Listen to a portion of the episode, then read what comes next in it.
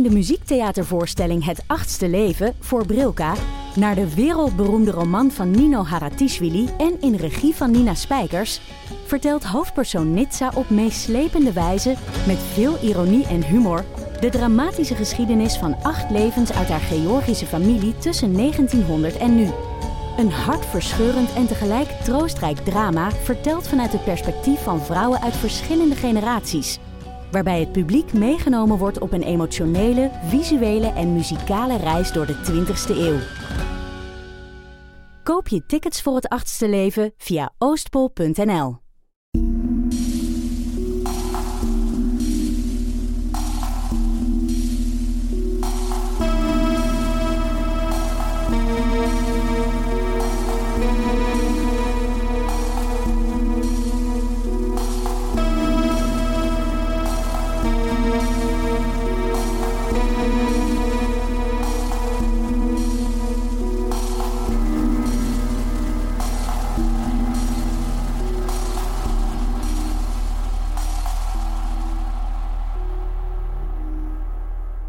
Welkom bij aflevering 39 van de Volksjury. Wij zijn Laura en Silke in quarantaine. Amai, nogal niet. Ik hoop dat iedereen het een, een beetje uithoudt. Ja. De aflevering verschijnt donderdag, we zijn nu nog maar maandag. Ja, Dus ik hoop dat tegen, ieder, tegen dan nog niemand zijn eh, verstand is verloren. Allee, is Ja. gek geworden van binnen te zitten. Ja, ik ik- vind het nu al moeilijk. ik heb echt een van de eerste dingen dat ik zei was: Oh, ik ga, er gaat echt veel worden gemoord. Ja, ja. Gezinsdrama's. Mensen die nooit, nooit op elkaars kap zitten, moeten nu altijd samen zijn. Maar ik denk ook gewoon de criminaliteit op zich. Mm, Wij hadden het daar straks over, hè, ehm, ja, kleine zelfstandigen die het moeilijk hadden. Ehm, en dan zei iemand bij mij aan tafel, ehm, gewoon mijn gezin trouwens, ik was niet ergens buiten of zo. Ja, en die inbrekers dan nog arm, die hebben geen inkomen meer. Die zullen wel andere manieren vinden, Ja. denk ik. Zoals eh, bijvoorbeeld fraude plegen voor de mondmaskers. Ah ja, ja, ja, goed dat is wel verhaal. een goed idee. Goed verhaal. Maar dankzij onze koning zijn die toch onderweg. Ja, eh, we willen ook even benadrukken. ehm, dus wij zitten zoals altijd op een meter afstand. Ehm, dus we houden ons aan de, eh, Voor, ja, aan de, aan de vooropgestelde regels. Ehm, we hebben jullie beloofd om ehm, elke week een aflevering te posten. We gaan die zo snel mogelijk proberen op te nemen, nu het nog kan. Ja. Ehm, moest er iets tussen komen, moest een van ons ziek worden of moesten de maatregelen verstrengd worden, ja, daar kunnen, dat is buiten onze macht. Daar gaan we ook gewoon naar luisteren. Ja. En ik, ik denk ook wel dat jullie het allemaal doen, maar hou je gewoon echt aan de, aan de maatregelen die, die vooropgesteld zijn. Want het is zo, zo belangrijk. Ja. We hebben allemaal mensen in onze familie die, die zwakker zijn. Ehm, Ja, dus het is gewoon echt van belang Ja, om... echt. eh, Gebruik even jullie gezond verstand. Ehm, niemand wil vijf weken binnenzitten, echt niet. Maar we moeten nu Mm. gewoon, we moeten er gewoon even door. ja. Ehm, En daarom dat wij ons best wel doen om, Ja. die, om die afleveringen te maken. Mhm. Eh, gewoon zodat wij ook een bezigheid hebben de Ja, komende weken. Want bij ons op het werk is de situatie ook helemaal eh, veranderd. Zowel voor Laura als voor mij. Ehm, maar eh, ja, zoals we zeggen, van zodra dat er iets, iets tussenkomt, eh stel dat we in... Vergeef het ons. Ja, stel dat we in volledige lockdown gaan, gaan en die berichten zijn er wel, dat, dat het kan dat we in volledige lockdown moeten gaan, ja, dan gaan we nog zien of dat we misschien van op afstand kunnen opnemen of zo, maar dat weten we gewoon nog allemaal Nee. niet of dat toekoer kan Ja. of niet. Ehm, dus ja, dat is gewoon We'll even see. afwachten. En in de tussentijd hebben wij wel suggesties voor jullie. Ja, dus we gaan elke aflevering ehm, een eigen suggestie brengen. Dat kan een andere podcast zijn, een, een film, eh, een crimireeks. Eh, ik, ik heb geprobeerd om iets te nemen dat niet voor de hand ligt, zodat Ja. allee, dat de meeste mensen het nog niet kennen, hopelijk. Eh, maar dat het wel vrij te bekijken is. Onderschat ons publiek Nee, niet. dat is waar, dat is waar. Maar het zou toch straf zijn. Ja, zeg maar. Gaan we daarmee beginnen? Ah ja, ik zou ermee beginnen. Oké, wacht, dan moet ik even naar beneden scrollen. Ehm, ik heb gekozen voor de fictiereeks Kingdom. Ah, dat ken ik niet. Yes! Ehm, ik, ik- nog eentje voor de bingo, maar ja, ik, ben het, ik heb het eerste seizoen gekeken toen ik op wereldreis was. Betere tijden. En waar? Nee, ehm, wel, eh, dus wat Lucas en ik deden op reis was wij keken of wij lazen of wij luisterden naar dingen van het land waar we op dat moment Ah, ja. En eh, het is, Kingdom is een eh, Zuid-Koreaanse fictiereeks, die ik dus, waarvan ik dus het eerste seizoen heb gekeken toen ik in Korea was. Ehm, het staat op Netflix en ze hebben deze week het tweede seizoen gereleased. Alright. En Lucas en ik hebben het al helemaal uitgekeken. Ehm, Het is een beetje toepasselijk. Ik dus ook, het is misschien voor mensen die, eh, wat dat ook niet te onderschatten uh, is, mensen die, die angstig zijn omwille van de situatie, is het misschien niet de ideale reeks. um, ik ga even kort vertellen Ja, wat het is. Uh, dus het is de e eerste first original um, Netflix-serie in Korea. Ja, dus het is de eerste reeks dat uh, Netflix in Korea heeft geproduceerd. Het is geschreven door Kim Eun-hee en geregisseerd door Kim Seong-hun. Um, en het speelt zich af um, een beetje in de uh, Koreaanse middeleeuwen, de 16e eeuw. Net, oh, interessant. Ja, net na um, de, uh, de invallen van Japan. Dus Japan heeft heel vaak ja. Korea binnengevallen. Dus het is ja, epoch, hè, dus het is in tijdsgeest van mm. toen. en het speelt zich af. Uh, het start eigenlijk in het paleis van de koning. Um, die is al een paar dagen niet gezien. Die is, uh, wordt gezegd aan de bevolking dat hij heel ziek is. Uh, en zijn zoon, Oeh. de kroonprins, heeft zoiets van... Ah, dat kan toch niet? Allee, dat enkel zijn dokters daarbij mogen. Ik wil die zien. En op, op een nacht staat hij op. En hij gaat naar de vertrekken van zijn vader. En hij treft daar niet zijn vader aan. Maar zijn vader als een soort van zombie-monster. Ja, dus zijn vader is, ge, is, is getroffen door een, door een mysterieus virus dat hem een zombie heeft gemaakt. Ja. En dat is eigenlijk de start van ja, een uh, Koreaanse middeleeuwse zombie-serie. Oh my god, hoe ja. komt het dat ik hier nog niet van gehoord ja, heb? Ik, ik, los van true crime kijk ik heel graag horror. En, um, ja. en zombies hebben een speciaal plekje in mijn hart. um, eh, maar dus in deze tijden, voor mensen die angstig zijn, is dat misschien niet het moment. Um, hoewel dit virus dus... Uh, nee, dat ga ik niet zeggen hoe dat het komt. Maar eh, het, is, het, heeft, het heeft niks te maken met... Uh, allez, het lijkt niet op een griepvirus of zo. Het is iets totaal anders. maar het is heel fijn voor mensen die geïnteresseerd zijn in de Koreaanse cultuur. Ja, want er zit heel veel geschiedenis in. Ze zijn allemaal ja, in hele mooie pakken, want het speelt zich af rond de koninklijke vertrekken. Het zijn zes afleveringen per seizoen, dus het is okay. behapbaar. En uh, ja, Koreanen zijn superleuk om naar te kijken. Die, uh, ja, zoals we, we hebben um, in een crossover-aflevering met Ingeblikt ja. podcast um, het over uh, Parasite gehad, allee, of de regisseur ja. ervan. Um, en het is, ja, Koreanen hebben een speciale manier van acteren en van dingen in beeld brengen. En dat komt zeer goed naar voren in deze reeks. Oké, okay, ik voilà. weet wat ik ga doen als ik mijn vakantiedag moet opnemen ja. de volgende voilà, dagen, dus dat is weken. mijn tip voor deze week. Alright, ik heb er twee. Uh, ik heb, Uitslover. nee, ik, uh, ik heb... Uh, ik kan er niks aan doen, oké? Okay? Ik ben enthousiast.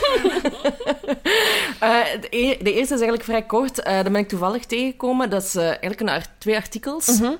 Op de website van Brus, ja. hè, de, de Brusselse uh, lokale mediazender. Ja. Um, en daar heeft uh, journalist uh, Danny Vilijn... Die heeft een interview gehouden met Yves Barbieu. En uh, Yves Barbieu, dat is een gerechtsjournalist. Mm -hmm. Die is al sinds de jaren tachtig, houdt hij zich bezig goeie, met... Goeie, goeie tijd om te starten. Ja, inderdaad. uh, met de criminaliteit in Brussel en met het gerecht en justitie en zo. Uh, en in het eerste artikel blikt hij eigenlijk terug naar het begin van zijn carrière. Mhm. Mm -hmm. hoe het was als gerechtsjournalist toen. Mm -hmm. En hoe dat het nu is. Dus hij zegt van ja, toen waren we eigenlijk echt maar een beperkt clubje ja. van, van mensen die, die zich daarmee bezig hielden. En was eigenlijk van op televisie daar nog niet echt sprake van, mm -hmm. dat ze daar ook met camera's en zo stonden. En dat is natuurlijk nu helemaal Mhm. anders. Uh, het is wel interessant om zo die tijdsgeest Ja. mee te krijgen.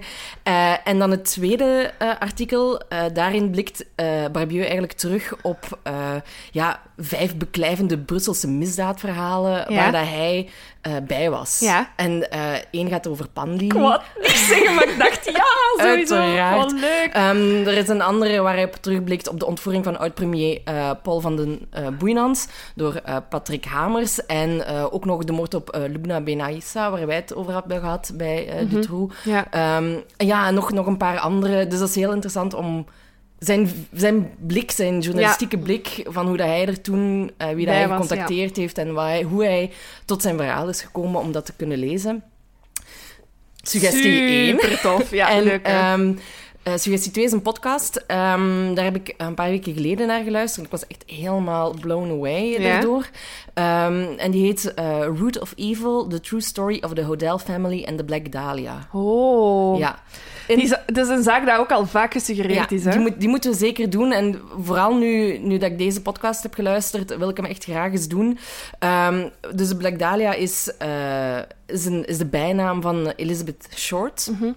En die werd in 1947 vermoord. Mm -hmm. uh, en er is, ja, er is nooit een moordenaar gevonden. Uh, maar dat is, zijn heel, ja, er is, hangt heel veel folklore rond en zo. Uh, want er zijn heel veel verdachten en zo. En de podcast die ik nu benoem...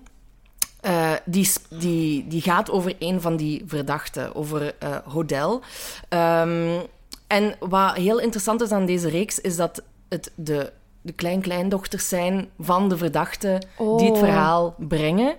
En het gaat veel meer, over veel meer dan de Black Dahlia, omdat er echt familiegeheimen naar boven komen Ah, en intriges. ja. En het zijn ook een aantal afleveringen van een, toch een uur. Ja. Ehm, dus als je, weet ik veel, mondmaskers aan het maken bent of eh, die brood nodig zijn, ehm, of ergens anders gaat helpen of zo, ik weet het niet. Eh, en ja, deze is wel echt super interessant Om te om luisteren. te luisteren, Ja. inderdaad. Ja, dus dat waren mijn suggesties. Goed, leuk. Ja. Oh, ik ben blij dat ik die van u ook niet kende. Nee, inderdaad. Dus we gaan ons best blijven doen om onbekendere Suggesties, suggesties te te doen. Want ja, de meeste zijn natuurlijk wel al bekend. Hè? De, de grote hebben we wel ook al zien passeren bij ons in de Facebookgroep en zo. Als er telkens een nieuwe eh, reeks op. Netflix komt, dan springen we er allemaal op. We hebben het allemaal gezien.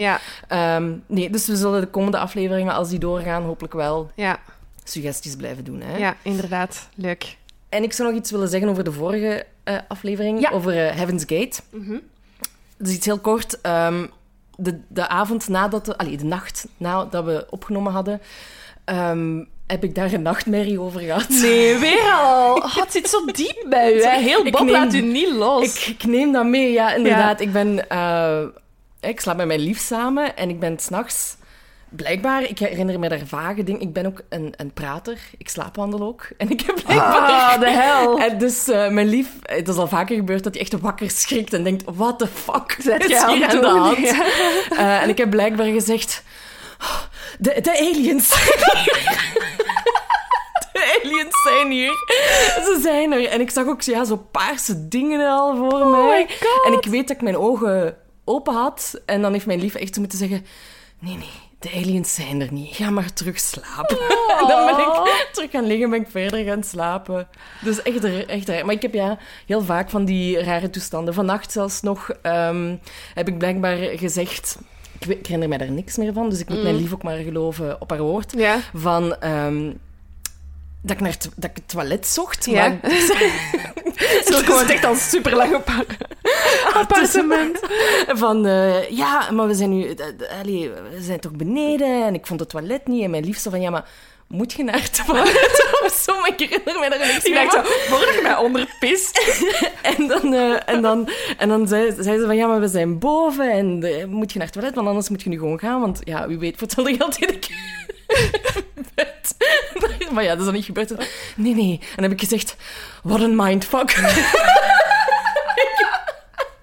ik herinner me er echt niks meer van. God, En ik dacht dat- you gone mad. Amai, we zijn nog maar drie dagen in quarantaine. En ik dacht dus dat ik dat niet meer deed. Hè, zo Praten. slapen, praten en echt zo gaan rechtzitten. Hè. Ja. Ehm, want ik deed dat vroeger heel veel. Ja. Maar blijkbaar doe ik het dus toch Nog, nog. altijd. Ja, ik ben, ik ben een hele lichte slaper. Ik slaap ook heel moeilijk. Dus ik zou nooit met u in één bed kunnen liggen. Nee, maar het is, het is maar voor, want ik ben ook al vaker eens bij vrienden blijven slapen Ja. of zo. Dat ik denk van, ja, maar dan moet ik toch ook iets gedaan hebben of zo. Oftewel slapen die vrienden dan heel vast of Ja, zo. Of, ja. hè, of het, er moet toch iets zijn in mijn... In mijn dat, dat gebeurt over, ja, over de dag dat ik niet verwerkt heb of zo. Zoals Heaven's Gate Ja, waarschijnlijk. Dat, dat, dat ik in mijn dromen toch... Ja, daar nog mee bezig ben of zo. Nu, ik droom ook wel altijd heel levendig, maar nooit, nooit iets van, iets van de dag ervoor of zo. Ja, nee, nee, ja, dat van nu van naar het toilet gaan, Ja. dat snap ik ook niet. Dus ja, het, was een, eh, het, het zijn een paar bewogen nachten Ja. eh, geweest. En, eh, Allee, dan gaat je vannacht dromen over de verdwenen sasmeester van Kachtem. Ja, want daar gaan we het vandaag over hebben. We hebben twee verhalen We hebben twee verhalen. Ja, een kort tweede verhaal. Just because we can. Ja, omdat we dat wouden. Ja. En eh, leuke uitsmijter. En eh, omdat, ja, wie weet is het toch wel de laatste aflevering voor een bepaalde tijd. ja. We gaan ervan uit dat dat niet is. Nee, inderdaad. Ehm, maar de- deze zaak van de sasmeester van Kachtem, die, eh daar riep meteen meerdere vragen op bij mij. Toen ik, hè, want het is ook gesuggereerd geweest, van ja, jullie moeten de sasmeester van Kachtem eens doen. Wat was uw eerste vraag? Eén, wat is een sasmeester? Zonder te zeveren. Echt, mijn, mijn voorbereiding begint met dus, hè, de verdwenen sasmeester van Kachtem. Eén, sasmeester, sasbrug. Allemaal uitleg van wat dat allemaal is. Ja, inderdaad. Ik, ik, heb, ik woon niet in een klein dorp. Ik ben echt een stadsmeisje. En ik ken al die Ik heb dingen daar ook nooit niet. iets eh, mee, allee, mee te maken Ja. gehad. En mijn tweede vraag is, waar ligt Kachtem? Oké, dat wist ik wel. Want dus, ja. ehm, ik weet dat je, de, de, de- we krijgen veel commentaar over mijn Brusselse tongval. En ik ben hier geboren en getogen, maar mijn roots ligt rond Kachtem. Hè. Kachtem ligt in de driehoek eh, Kortrijk, Roeselaar en Menen. Eh, en dat is waar mijn familie vandaan komt. Kijk eens aan. Eh, het was een teleurstelling, want dus toen we deze zaak deden, heb ik direct mijn familie gebeld om te vragen of iemand er iets van wist. En niemand was op de hoogte. Dus blijkbaar ligt interesse in true crime, start die bij mij. ligt die niet vroeger in mijn bloedlijn. Ja. Want niemand wist er iets van. Vond ik heel spijtig. Dat is, Maar ik heb dat, mijn ik. familie woont daar nog, hè? Die zouden dat toch moeten weten, want het zijn ook vooral mensen die, die deze suggestie hebben gedaan, die van die kant ja, zijn. Ja, dus misschien... Het is wel... Het is, het is, allee, Kachtem is echt een gehucht. En het is niet het gehucht waar, wij van, allee, waar mijn Mm. familie vandaan komt. Maar dan denk ik, bon, twee gehuchten verder, dat kun je toch ook nog weten. Ah ja, ja, ja, inderdaad. Dus ik was zeer teleurgesteld in mijn eigen familie. En kunt je dan ook uitleggen wat een sasmeester is? Ja, dus een sasmeester is de persoon die de sas bedient. En een sas... ehm, Het gaat diep, hoor. Het is echt meta. Dit is echt wow. Eh, een sas is ehm, eigenlijk een ander woord voor een schutsluis. En dat is eh, de bekendste uitvoering van een sluis. Er zijn dus meerdere mogelijkheden om een sluis te hebben, maar dus een schutsluis of een sas is één optie. Eh, en het is het punt eigenlijk waar dat, voor binnenscheepsvaart wordt het gebouwd. Eh, wateren lopen niet altijd Ja. gelijk. En dus een boot vaart dan binnen in die sas, dan gaat die toe, dan zakt dat water, zodat, of stijgt het water.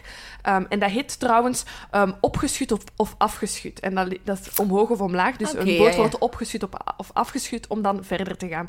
En bijzonder over de Sasbrug in Kachtem. Eh, die komt uit 1930 en die wordt nu beschouwd als historisch erfgoed. Ehm, die heeft jarenlang dienst gedaan in het kanaal Roeselare-Leien ter hoogte van Kachtem. Het verbindt de dorpskern van de gemeente met de straat in Izegem, dat is de hoofdgemeente. Maar ik hoop echt dat iemand hier iets aan heeft. ik ben zo al lang zo'n Ja. Eh, maar waarom ik dit allemaal zeg, is omdat de sas van Kachtem een beruchte sas was, los van deze zaak. Ah, ja. Omdat het echt een super smalle ehm, sas was. En dus dat de binnenscheepsvaarders onder elkaar waren van shit, weer al accident gehad aan de sas in Kachtem, want het was daar te smal. Ja, dus ehm, er werd wat over gepraat, ook los van deze zaak. Oké. Voilà. Waar gaat de zaak in het kort over? Eh, kort, de sasmeester is koopman. Eh, Marcel Koopman, Ja. zeker? Ja. Ehm, die eh, ja, bedient dus de sas, dat is dus zijn job in hoofdberoep. En af en toe gaat hij ehm, een vriend en oude buur, Leopold Maas, helpen in zijn schrijnwerkerij. Hij vertrekt daar op een ochtend, de schone ochtend 5 maart 1974, naartoe. Mhm. En hij keert nooit meer terug. Nee. En Dat was kort, hè? dat, was, dat heel goed. dat was het op het volgende Volgende zaak. Nee. Nee, inderdaad. Ehm, ik zou graag eh, eerst weer de hoofdrolspelers eh, een beetje willen toelichten. Toelichten, ja. Dus we hebben Marcel Koopman, die is eh, in 1921 in Frankrijk eh, geboren. hè, Mhm. en dan is die uiteindelijk naar Menen verhuisd. En voor de mensen die het niet weten, Menen ligt echt op de, op de grens Ja, met Frankrijk. Ja, dit was... Allee, ja, mijn, mijn, mijn onkel zegt ook altijd dat wij van Frans-Vlaanderen komen. Dat is echt... Ja, ik denk dat hij dat heel leuk vindt, dat idee. Maar dat is echt inderdaad, dat is gewoon... Dat is aan de Franse het toch grens. een beetje hot, hè. man. Ja, ja. dus niet, niet mijn woorden. Maar dus ja, je bent, je bent echt op een kilometer van Ja, Frankrijk, klopt. bij wijze van spreken. Eh, en in 1945 trouwde hij dan met eh, Maria Popova, Mhm. ehm, die eigenlijk ja, eh, in een Duitse... ja, die heeft wel heftige dingen meegemaakt. Volgens mij die is in de, in de oorlog, Ja. eh, Tweede Wereldoorlog, ontsnapt uit een Duitse gevangenis eh, in Stalingrad. En is dan uiteindelijk Ja. op de een of andere manier eh, hier in België terechtgekomen. Tijdens de oorlog, ja. Ja, maar je moet je al maar voorstellen om in zo'n eh, Gehucht. ge- gehucht ook terecht te komen, maar Ja. ook gevangenen gezeten te hebben. Ja, en, en Russisch. Dus één, Russisch Ja. te zijn. Twee, in Duitsland hebben gevangen gezeten, Ja. wat dan niet goed is, want dat was de vijand op dat moment. En dan nog eens vluchten naar ja, bezet Vlaanderen, wat dan ook niet de tofste nee, nee, inderdaad. omgeving is. Maar ja, ze is wel, ze is wel gelukkig hè, in Vlaanderen, want ze vindt daar haar, ja, de liefde van haar leven en ze trouwen. Ja, en ehm, ja, Marcel die begint zijn carrière eigenlijk als een soort van hulpwerkman. Mhm. Ehm, maar hij groeide al snel door bij de dienst Bruggen en Wegen. Mhm. En dan eh, werd hij uiteindelijk sasmeester, maar zijn doel was eigenlijk om hoofdsluiswachter te worden in Gent. Oh, ambities. Ambities, ja, ik wil er echt niet denigrerend over doen, maar ik heb dus- gewoon totaal geen idee wat dat dan allemaal is. Ik- Of, nee. allee, de, de dienst Bruggen en Wegen klinkt, is, is denk ik niet iets wat iemand denkt als hij kind is. Daar wil ik terechtkomen. Ha, nee, maar dat zijn ook beroepen waar we vandaag de dag gewoon veel Nee, minder mee geconfronteerd worden. 1974, Ah, hè, ja, ja. en ook, zoals we zeiden, die, die, die SAS verbindt de dorpskern van die gemeente met de andere gemeente. Dus er zijn mensen die daar dagelijks meerdere keren over moeten. Ja. Dat is iets voor hen wel alledaags. En misschien Ja. wel een logische job. En dan vind ik het wel cool dat hij zoiets heeft van, weet je wat, en ik wil dat in Gent gaan doen. Ja, ja, inderdaad. Ja. Zeker. Zeker dat hem, dat hem zegt van ja, ik heb, wil toch iets meer uit het leven halen. Dan de brug van Kachtem open te doen. Inderdaad. Eh, en dan ehm, toen- toen- toen is, is hij later verhuisd naar eh, Rumbeke. Mhm. En dat is een deelgemeente van Roeselaar. Ja, dat is, ja. En dan zitten we bij de tweede hoofdrolspeler in het eh, verhaal. Ja. Dat is Leopold Albert Maas. Mhm. Die is ook geboren in 1921 en die was een, dat was een zoon van een schrijnwerker uit Menen. En hij mankte, omdat hij toen hij klein was, is, hij, ja, is er een ongeval gebeurd met een paard, is hij daarvan gevallen. Ja. Eh, en daardoor heeft hij eigenlijk heel zijn leven gemankt. ja, Maar en zijn één been is langer dan zijn andere ook. ook inderdaad. Ja. En hij is ook klein van gestalte. Dus Een ehm, kruppelklein mannetje. ja, helaas wel. Ik denk dat dat niet prettig moet zijn geweest Nee. voor hem om daarmee op te groeien en zo. Nee. nee, en hij zal ook wel niet zijn gaan vechten in de oorlog dan, denk ik. Want daar heb ik Ja. dus ook niks van Ik heb- teruggevonden. Ik wil ook even zeggen dat we heel weinig gevonden hebben Ja. over deze zaak. Een paar artikels, Mhm. ik denk hoogstens vier, Ja. hebben we gevonden eh, waar we het mee moeten doen. Dus heel veel background-informatie is er gewoon niet. Ja, Echt ik gewoon, ja. ja ik weet dat er ehm, op... Bart Bogaert Ja. is vandaar. Eh, dat is een Radio 1-presentator. En Die- die heeft er een reeks over gemaakt, maar die is niet meer online te Nee, beluisteren. hij heeft nu, hij heeft nu de, pod- de podcast Iemand. Ja, Ik weet niet of daar nog nieuwe afleveringen van komen of niet, maar het staat in ieder geval online. Er zijn ook heel mooie reeks ja. eh, van verhalen van mensen.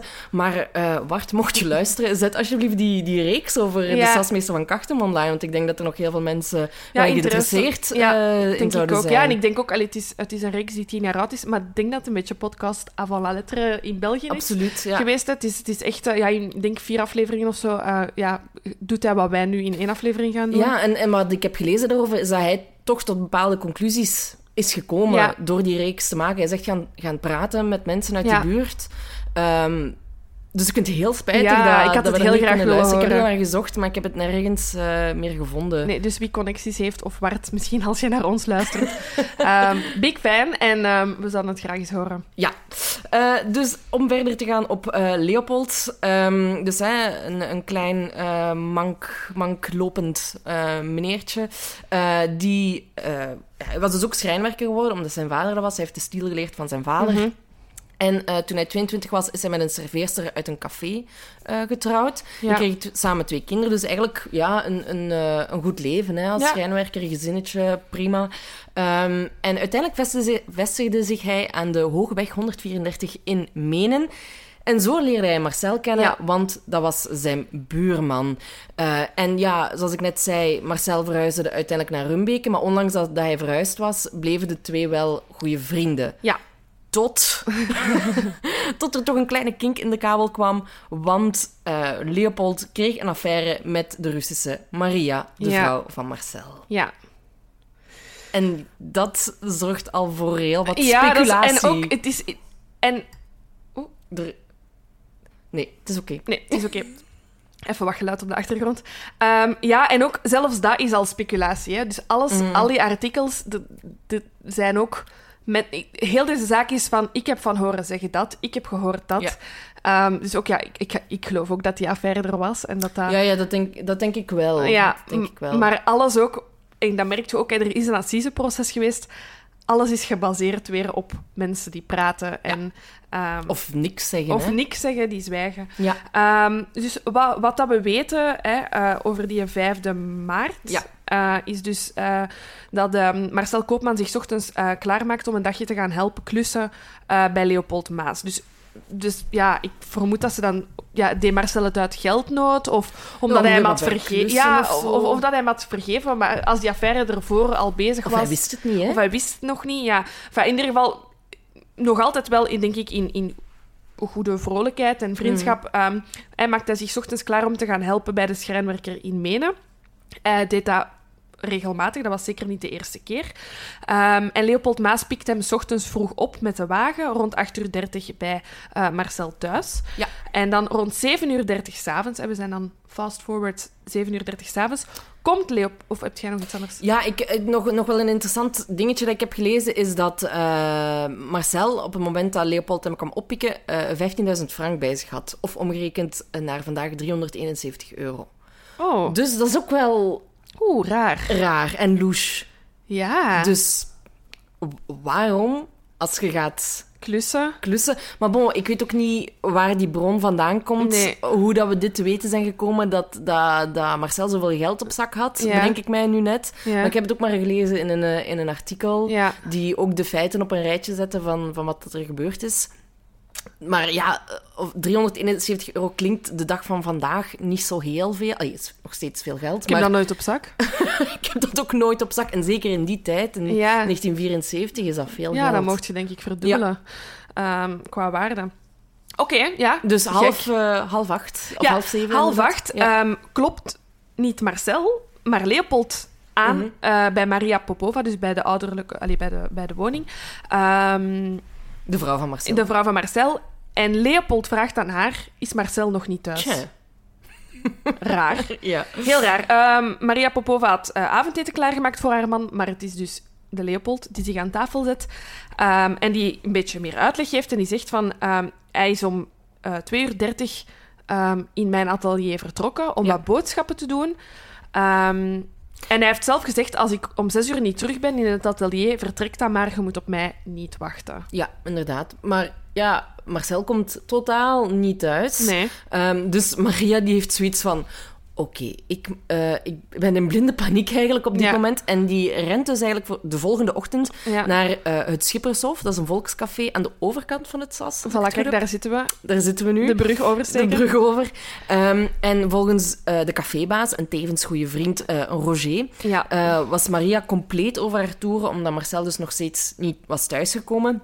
En hij heeft dan haar dan aangeraden om naar de politie van Rumbeke te gaan om dan eh, de verdwijning te melden. Ja. Ehm, maar aanvankelijk dacht de politie eigenlijk dat eh, Marcel zelfmoord had gepleegd. ja, Ehm, omdat het tussen hem en Maria niet zo goed. niet ging. zo goed ging. Oké. Maar ja, ze vinden hem ook gewoon niet, hè? Ze vinden hem niet. Er wordt, want ja, als je zelfmoord pleegt, wordt er meestal wel een lijk gevonden. Ja. Maar dat gebeurt niet. En de politie begint ja, wat mensen te ondervragen. hè. In eerste instantie Leopold en Maria. eh, maar ook buren en vrienden. Maar er wordt eigenlijk niet echt iets gezegd. Eh, en dan is het eigenlijk Maria zelf die Ja. zegt... Dit is zo raar ook. Dat is echt een heel dat raar je ook verhaal. pas na twee, drie dagen... Ik ga ervan uit dat dat niet in haar eerste verhoor is, zegt... Weet je wat raar is? Er is een hele speciale kist. Waar dat ze aan aan het werken waren. Ja, ze zijn aan het... Marcel en Leopold ehm, zijn aan het werken aan een hele rare houten constructie.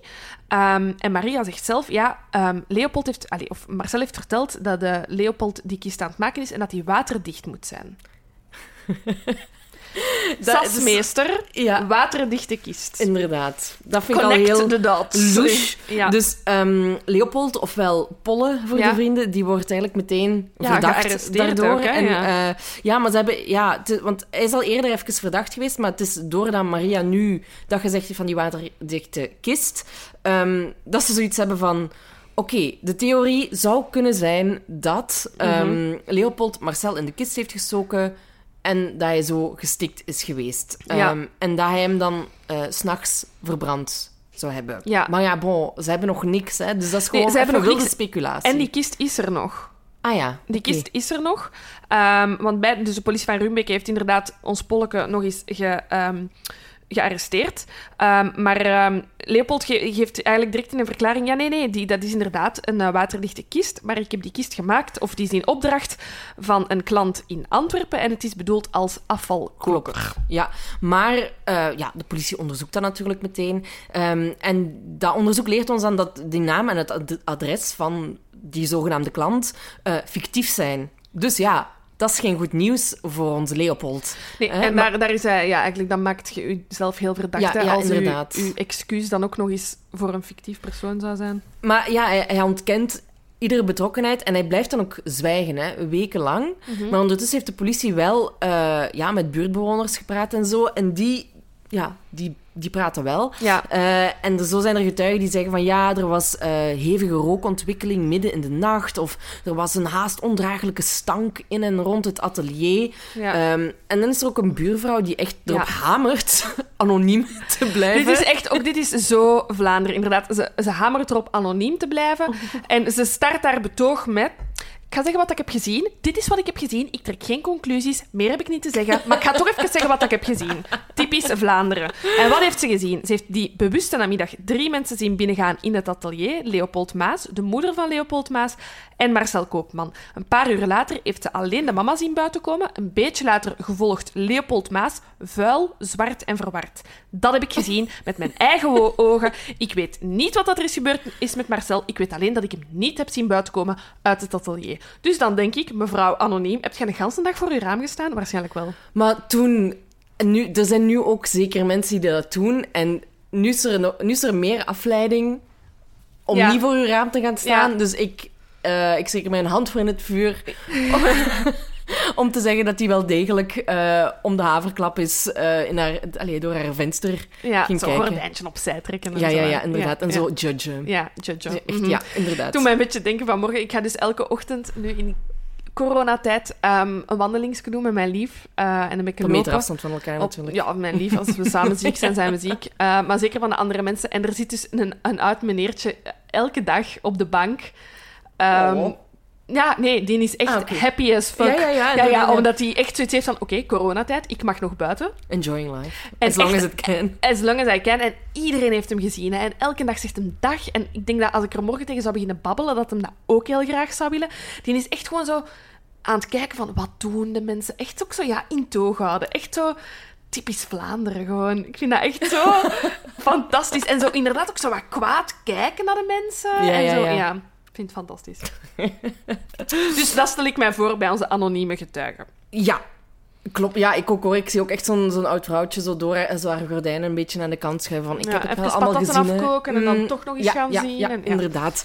Ehm, en dan komt er toch een verklaring. Ja, ik wou gewoon... Wat ik nog wou zeggen, eh, is dat er ondertussen wel al heel veel werd gefluisterd. Oh hè. ja, zeker. Ja, ja, De tongen gaan aan het rollen. En wat dat er tussen pot en pint wordt gezegd is... Dat hem in de brug steekt. Ja, ja er wordt gefluisterd dat Marcel Koopman in zijn eigen sasbrug zou zijn ingemetseld. Inderdaad. Van waar dat ze dat halen, who knows. Nee, Maar inderdaad. dat, wo- dat is wat dat er in die maanden... hè, want we zijn, het is in maart en de eerste bekentenissen komen in juli. In die tussentijd Ja. wordt dat zo wat rondgeklapt. Maar je ziet nu ook in coronatijden wat voor fake news er allemaal wordt rondgebazuind en zo. Dus ja, in zo'n dorp ja, gaat dat heel snel ook Er moet maar allemaal, één aan een toog zat zijn en zeggen... Oh, we moeten nu eens nu weten. Ja, eh, Ja. En dan hoort iemand dat en die neemt dat Perfecte imitatie. Ja, dat was echt keigoed. en dan wordt dat bij een bakker gezegd en dan wordt dat... Een, ja. Ja, ja, ja. En zo gaat dat heel snel. Dan de Ja. slager en dan de kruidenier. Ja. Maar uiteindelijk... Ja, voilà. En zo krijg je de roddels.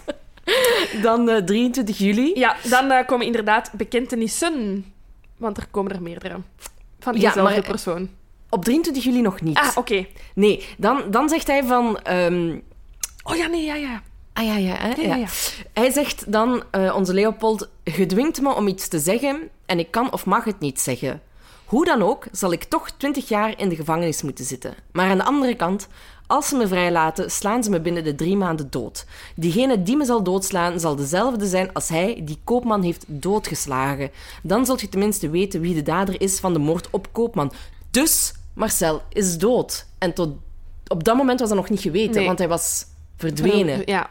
En nu, met wat eh, Leopold nu zegt, nu weten ze pas zeker dat Marcel Ja, dood zeker, is. ja. Zeker. Het het is de eerste keer dat er wel echt sprake is van het feit dat hij dood zou Dood. kunnen zijn. ja, inderdaad. Vond ik opmerkelijk. Eh, ja, en ook gewoon een opmerkelijke verklaring. Hè. Zichzelf ook een beetje indekken. Ja, maar ook direct stellen van, ik ga hiervoor vast komen te zitten. Ja. Eh, ik ben zeker dat ik ga veroordeeld worden. Eh, ja, en ik, ik vind het een verwarrende verklaring. En aan deze verklaring kan ik echt nog altijd niet zeggen of dat hij schuldig is of niet. Nee, nee, ik ook niet. Tuurlijk. En ook en daar, wat we zo dadelijk nog meer gaan eh, Ja. zeggen, zijn kop nog staart Ja, het is aan echt... vast te eh, maken. ik vind wel opmerkelijk dat... allee, het is logisch, hij is de laatste persoon die, Ja. die Marcel heeft gezien. Maar het is wel echt de enige verdachte dat ze op dat moment hebben. Ja, inderdaad. Er is, is, eh, niemand anders. Ehm, want dat maakt deze zaak ook... Allee, het lijk is nog altijd... Spoiler, het lijk is nog altijd niet gevonden. Ehm, maar er is ook geen, ander, geen andere getuigenis, geen ander bewijsmateriaal. Nee. Het is echt één groot mysterie. En dan zwijgt Leopold weer Ja. hè, voor vier maanden. Dat vind ik ook heel absurd. Want als je onschuldig zou zijn, denk ik dan, Ja. dan blijf je toch je onschuld Uitschreeuwen. Maar ja, Ja. bon, de, de- iedereen reageert er weer anders op. Ehm, Ja, dat is inderdaad, iedereen reageert Ja. er anders op. En ehm, uit die eerste verkla- als die eerste verklaringen waarin hij zegt, hè, als, ik iets, allee, als ze mij vaststeken en ik kom vrij, dan gaan ze mij ook vermoorden.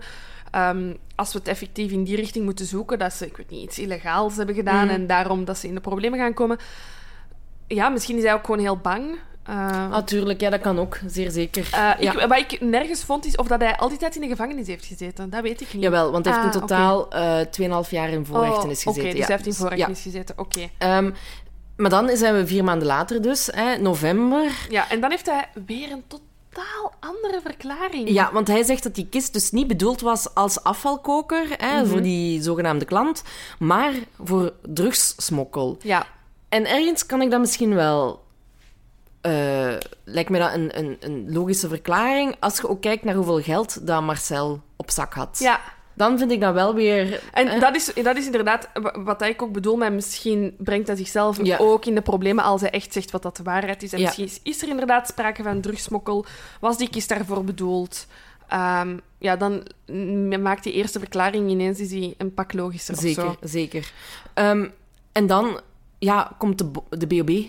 Ja, erbij, want de drugsmokkel is inderdaad... hè, tot dan is het eigenlijk... Ja, niet de, ja, is dat De loka- ja, de lokale politie, dus de Rijkswacht, denk ik? Dat, Nee. sorry. Nee, het is Rijk- gewoon echt de lokale, ja, lokale politie. politie. dat het onderzoek ehm, deed. Maar omdat dat woord drugs valt, ehm, wordt de BOB eh, ingeschakeld. En dat is dan waar, waar ik denk dat misschien op aanraden van zijn advocaat dat hij dat heeft gezegd om het onderzoek over te hevelen aan een andere Ah, onderzoeksteam. Omdat hij, daar, zich daar misschien, allee, omdat hij daar misschien beter uit zou komen. Allee, als slimme advocaat is hij niet onverstandig om uw cliënt eens door iemand anders te laten Ondervragen. ondervragen. Ja. ja, en de BOB, dat is trouwens de bewaking- en opsporingsbrigade. Mhm. Bestaat nu niet meer. Dat was toen de, het onderdeel van eh, de Rijkswacht. Ja. Hè. We hebben het in onze eh Dutroux-afleveringen ook uitgebreid gehad over de problemen die er eh, bestonden tussen de verschillende lagen van de politie. Was hier niet anders. Nee, ik wou het juist Dus zeggen. eh, er was wat vrevel tussen de lokale politiediensten en het feit dat de BOB er eh, even tussen kwam. ja. Ehm, dus dat is ook al niet eh, bevorderlijk voor het onderzoek geweest. Maar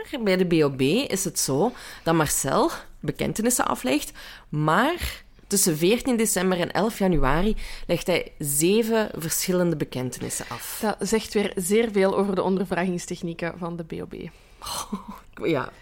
Zullen we, zullen we maar gewoon erin vliegen in Ja. de... In de... Doen we 1, 2, 3. Dat is goed. Oké, nummer 1. Dit is verklaring nummer 1 van Leopold over wat er met Marcel is gebeurd. Marcel is helaas door de zolder gezakt. En zoals dat gaat met elkaar helpen in uw atelier. Marcel was niet verzekerd. Mm. Eh, en Leopold had, zoiets van: shit, ik ga in de problemen komen. Die ligt hier dood onderaan mijn trap. Ehm, de beste oplossing eh, hiervoor is dat ik hem verbrand in een ton op mijn binnenkoer. Het probleem is natuurlijk dat hij dat overhaast heeft gedaan. Dat lijk heeft niet goed gebrand. Ehm, dus heeft hij het kolende lijk ehm, in een juttezak gestoken, twee zware stenen bijgestoken ehm, en in het kanaal ehm Kortrijk Bosuit gegooid. De BOB heeft iets van, nice, goede verklaring, gaan we direct even checken. Kan, kanaal wordt gedrecht. Geen Niks. lijk te bespo- eh, Wat ze, bespeuren. wat ze ook hebben gevonden, wat ik heb gezien, is dat ze gecheckt hebben of dat in een ton een lichaam kan vuur vatten. Eh, en er zijn foto's van, zullen die ook online plaatsen. En dan hebben ze een soort van... Ja, het zijn heel oude foto's Ja. van hoe dat ze een varken in die ton tillen. Ehm, ja, prachtig. Het is gewoon voor die tijdsgeest. Allee, we zijn 1974, dus nog niet zo heel lang Ja, en ook zo geleden. elegant om een mensenlichaam te vergelijken met een varken. Ja, maar dat is ehm, qua textuur. Ehm, als er mensen zijn die ooit naar Mythbusters gekeken hebben. Ja. Als er bijvoorbeeld eh, getest moest worden, iets van kogels of zo, hoe dat op een mens zou Ja. terechtkomen. Dan werden er altijd eh, eh, delen van een varken genomen, omdat dat qua textuur of zoiets het eh, meest lijkt op een mens. Mijn fantasie slaat op hol met het eten van varkenskoteletten. En Ja, bij Pandy was het ook met varkenskoteletten, hè, zie? Dus ik, het heeft daar wel echt iets mee te maken dat ze specifiek voor een varken kiezen. ja, omdat dat dichtste zou aansluiten om testen te doen op de mens. Ja. Maar dus ja, zijn verklaring ehm, ja, kan eigenlijk niet worden gedaan, want er wordt niks eh, van resten gevonden Ja. in dat kanaal. Nee, want de, de, de, de tweede verklaring die hij aflegt ehm, is eigenlijk ongeveer hetzelfde, behalve dan dat eh, Marcel niet door de zolder zou zijn gevallen, maar dat hij een balk van Cambodja hout, vond ik vrij specifiek, Ja. ehm, op zijn hoofd heeft gekregen. Eh, en dan heeft hem inderdaad, wat Laura net zei, hetzelfde gedaan. Eh, een jute zaak, willen verbranden, lukte niet. Ook weer in het kanaal gegooid. Maar ja, bon, zoals ze net al zeiden, is daar niks uit voortgekomen. Nee, nee, nee.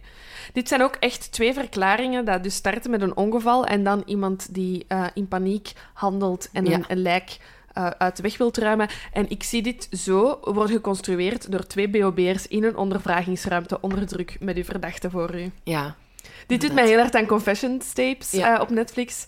Klein tipje toch nog in de aflevering gestoken. Nee, eh, waarin dat, ja, hè, valse verklaringen worden opgelegd. Allee, of dat die worden geconstrueerd Mm. tijdens, een, eh, tijdens een verhoor. Dit, dit klinkt zo als... We weten dat je dit niet hebt bedoeld. We weten dat je hem niet hebt willen Ja, vermoorden. ja, maar inderdaad. vertel toch maar wat er is gebeurd. En, ja, het zijn twee... Ja, de andere verklaringen vind ik al logischer. Gewoon omdat die iets... Ja, zo minder gefocust zijn op... Er is misschien iets gebeurd, maar je hebt het lijk willen wegdoen. En, ja. Ja, ja, ja, inderdaad. Inderdaad, ik, ik hecht ook niet zoveel aan deze. Want wat, wat ze ook hebben gedaan, wat ik nog even zeggen, over dat, van, dat hij door de, door de zolder naar eh, beneden is getuimeld. Ze zijn in het atelier ook gaan kijken en ze hebben daar effectief een gat gezien Ja. in, de, in, het, in de zoldervloer. Ja, Ehm, maar dat gat was veel te klein. Daar daar kon hij had hij door. nooit door kunnen vallen. ja. Theorie 3. Theorie 3. Maria Popova. Vond ik echt... Dit duurt zeer lang eer dat zij in beeld komt. Ja, als inderdaad. echtgenoot. Mhm. Als bedrieglijke echtgenoot. Oh. Eh, maar deze verklaring is wel echt de bedrieglijke echt, echtgenoot, want Maria Popova zou een levensverzekering hebben willen innen door haar man uit de weg te ruimen. Vandaar dus de kist. Die was eigenlijk gemaakt op haar vraag. Eh, en Marcel werd dus in de eh, kist gelokt. Ehm, en na het afleggen van die verklaring wordt eh, Popova natuurlijk onmiddellijk gearresteerd. Eh, de speurders zijn, hebben al een beetje weet van die liefdesaffaire eh, tussen Popova en Leopold. En ineens duikt er ook een brief op dat dat kan bewijzen. De brief is in het Russisch. Dan denk ik, kan Leopold Russisch? Blijkbaar wel, want in de brief staat in het Russisch... Hij was Maria- gewoon een KGB-spion. Voilà, ik heb het gezegd. Einde. nee, en de brief zegt dus Maria, mijn duifje. Ehm, maar buiten die brief is er eigenlijk heel weinig bewijsmateriaal. En het zou mij ook heel loemp lijken dat als Maria er voor iets tussen zat, ze zelf die kist aanduidt als zij die kist had Ah ja, besteld. inderdaad. Want de, de vierde theorie die sluit daar ook weer op aan. Het is ook weer gewoon een slightly eh, kleine ver- verandering daarin. Ja. Ehm, dus de vorige versie wordt behouden, maar nu zegt eh, Leopold dat hij bijstand gekregen heeft eh, van een man uit Antwerpen die Maria kende. Mhm. Dus dan is er wel weer iemand Anders bij betrokken. anders bij betrokken die nooit in het vizier is gekomen. Ik weet ook niet of, of ze daar onderzoek naar hebben gedaan. Nee, en ook of, altijd zo eh, iemand uit Antwerpen. Die kist was voor iemand uit Antwerpen. Iemand uit Antwerpen heeft mij geholpen. Inderdaad. In 1974 gingen mensen niet dagelijks naar Antwerpen en Menen en omgekeerd. Nee, maar misschien daarom, omdat ze dachten van ja, Antwerpen is ver genoeg. Ja. En de politie gaat niet... De politie stikt de grens niet over van provincie. heeft te veel moeite. Nee, maar als je ziet hoe, hoe moeilijk de situatie lag bij de politie... Ja. Is dat mis, hè, het was eerst lokaal, dan de BOB van Kortrijk trouwens. Ja, als die relaties ook al niet goed zitten daar, lokaal... Ja, het is dan... zo vaak fout gelopen in het verleden. Hè. Inderdaad, Het is, eh, niet inderdaad. on- on- onwaarschijnlijk. En dan nummer vijf. Ehm, ja, is Leopold ineens eh, de barmhartige Sa- Samaritaan. Want hij wil het gezin Koopman bevrijden van de tiran Mhm. Marcel. Ja. Marcel zou ehm, een losse polletjes hebben. Hij zou regelmatig met zijn eh, eh, vrouw vechten. Ehm, en Leopold was dus van, ik kan mijn vrouw, ik, mijn, ja, mijn, mijn vrouw, mijn minnares, niet Ja. langer zien afzien. Ehm, en hij zou, ehm, dus Leopold zou Marcel hard op het hoofd hebben geslagen met een tafelpoot en dan in die kist gestoken hebben. Die kist komt toch wel vaak terug. Het heeft sowieso iets met die kist Ja. te maken. Ja, ook gewoon louche, hè, om een waterdichte kist eh, te maken. Ja. Er moet sowieso iets in vervoerd... Allee, moest daarin vervoerd Ja, worden. ja, ja, en Leopold eindigt die eh, verklaring met: Ik kon Maria niet zien lijden, ik wou haar gelukkig zien. Oh, was een romanticus, zeg. Ja. Mm. Ehm, en dan eh, eh, de, de volgende, de nummer zes, is eigenlijk wat we al aangehaald hebben.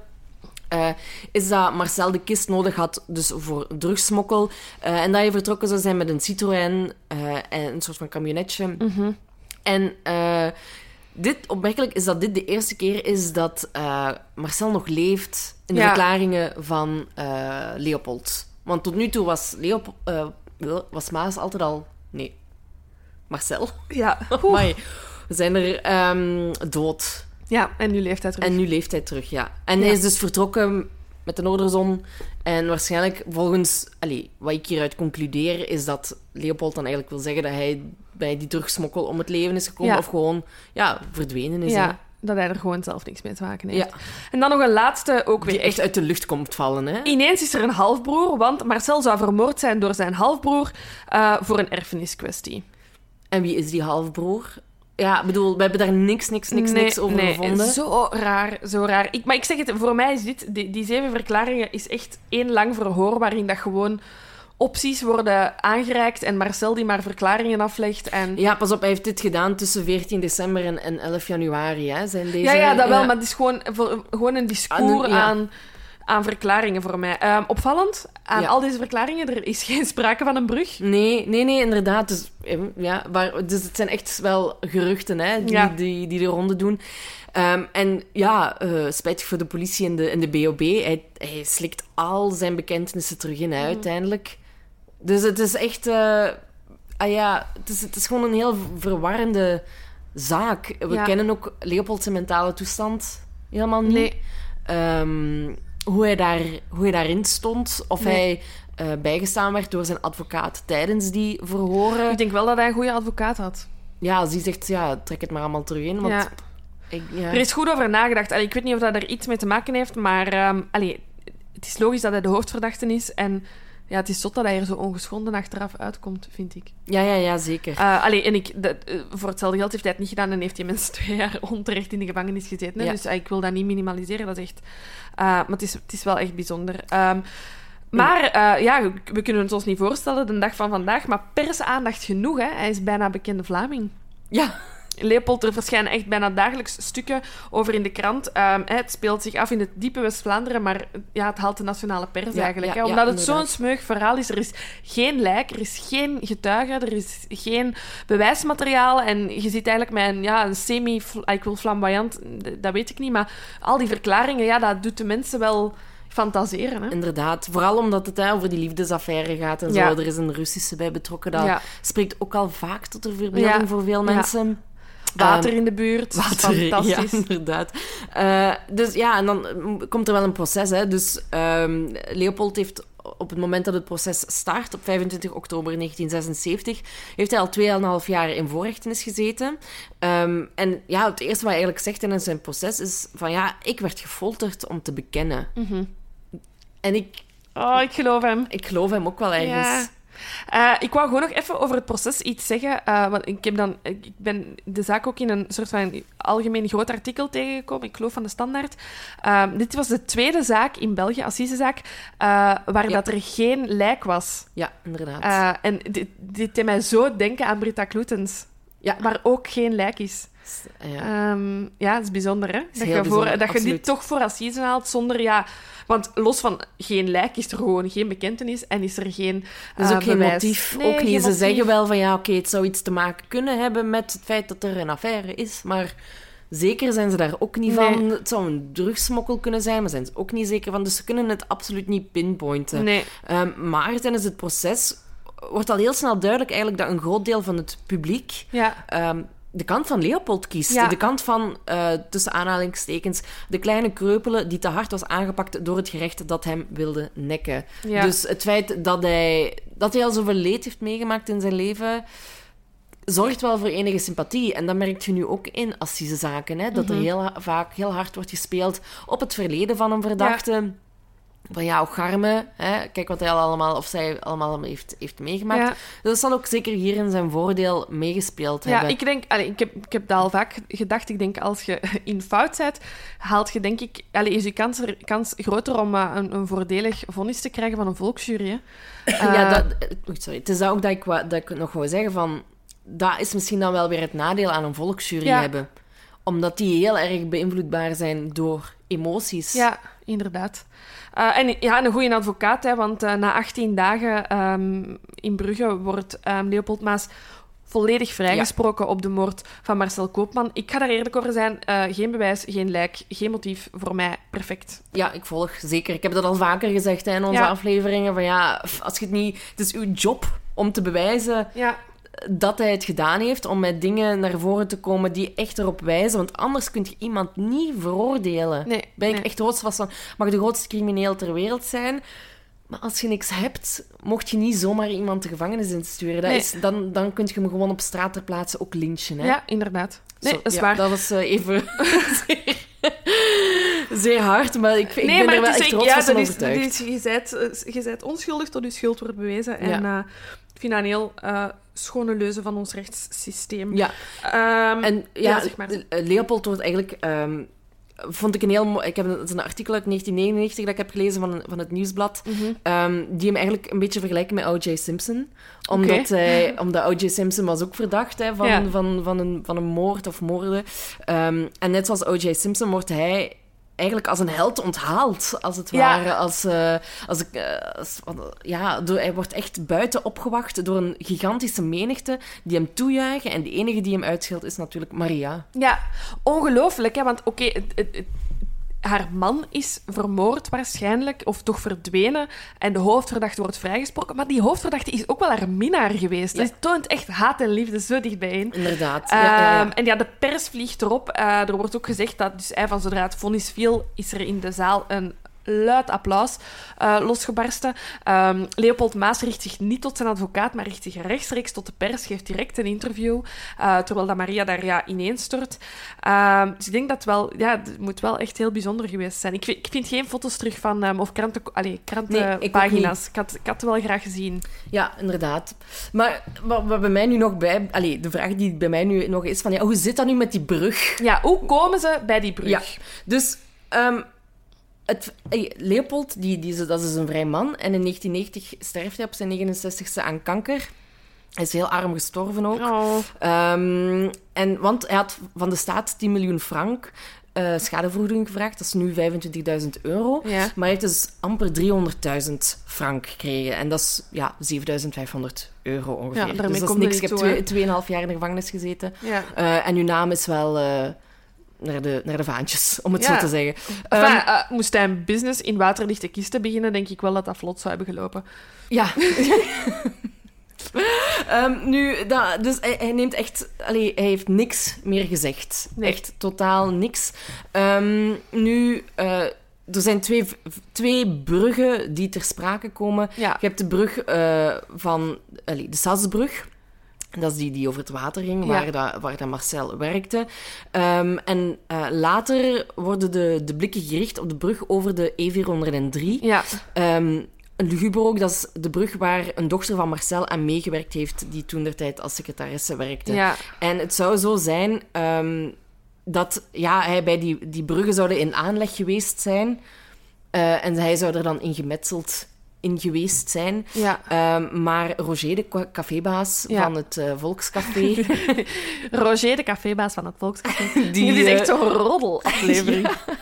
die zegt, of heeft al zijn vermoedens, ehm, die, ja, die zegt van ja, het kan gewoon niet, want die bruggen waren of al gebouwd, Ja. of stonden er al, of waren nog helemaal niet, niet in aanleg. Ehm, dus het, het kan gewoon niet. En het heeft ook gewoon geen zin om er nu nog over te praten, want alle protagonisten zijn dood. Ja. Dus ja, we hebben, we hebben geen, eh, geen duidelijk antwoord. Allee, het, is ook, zoals ik zei, we hebben vier, elk vier of vijf artikels gelezen van de morgen, het nieuwsblad, het laatste Nee. nieuws. Ehm, maar er, er, er komt gewoon geen duidelijkheid. Nee, ik heb nog, ik heb nog zo eh, één interview met Marie-Christine. Dat Ja. is de dochter eh, van Marcel Koopmans. En zij zegt van ja, voor mij is het heel moeilijk om deze zaak af te sluiten, want mijn vader is nooit gevonden. Ehm, er zijn heel veel momenten geweest dat ik dacht dat ik hem zag. Ja. dat hij nog leefde. Heftig. Eh, ja, ik heb, dat- ik heb ook een paar jaar geleden een vriend verloren en de, de eerste jaren daarna zie je die overal lopen. Jezus, ja. Ja, dat is echt, iets- dat is Dat is iets raar. Ja. Ja, ja. Ehm, en zij zei van ja, tijdens het proces in eh 76 dacht ik echt dat de volksjury hem ging, eh, ging Ja. schuldig verklaren. Maar dat gebeurde niet bij, door ge- gebrek aan bewijs. De recherche heeft ons toen gezegd dat ze wisten dat hij het had gedaan, maar dat ze het niet konden bewijzen. Maar dat is makkelijk, hè? Je Ja. zegt van de recherche, dat vind ik... eh, ja, uiteraard heeft hij zeven verschillende bekentenissen afgelegd. Ja, daar kun je inderdaad uit concluderen dat hij het gedaan heeft, maar kun je even goed uit concluderen dat hij het niet gedaan heeft. Dus dat vind ik een beetje kort door de bocht om dat Ja. te zeggen. Ja, ik ook. Maar ik snap haar, want zij is natuurlijk slachtoffer. Ja, ja, ja, want zij zegt wel van in, in mijn ogen is hij op zijn minst medeplichtig en heeft hij nooit de volledige waarheid verteld. Ehm, het is iets dat we, dat we met ons zullen blijven meedragen, Ja. eh, maar opheldering zullen we vermoedelijk nooit krijgen. En dat is ook mijn gevoel eh, erbij, dat hem er wel iets mee te maken had. Ja. Ehm, en ik denk gewoon nog steeds aan die 15.000 frank Ja. dat, eh, dat hij mee had. Ehm, maar ja, ik denk dat het toch iets met een, met, iets met een louche zaakje te maken ja. heeft. Want waarom... Hij heeft werk, ons Ja. Marcel, dus waarom moet hij per se meedoen aan... eh allee, mee gaan helpen met, met, Ja. met Leopold? Ik denk ook wel... ehm, Ja, ik weet niet of dat jullie het horen, maar de broer van Laura heeft hier de hele dag zitten gamen. en er komt af en toe nog een stem door van zo'n mannetje met een heel groot geweer.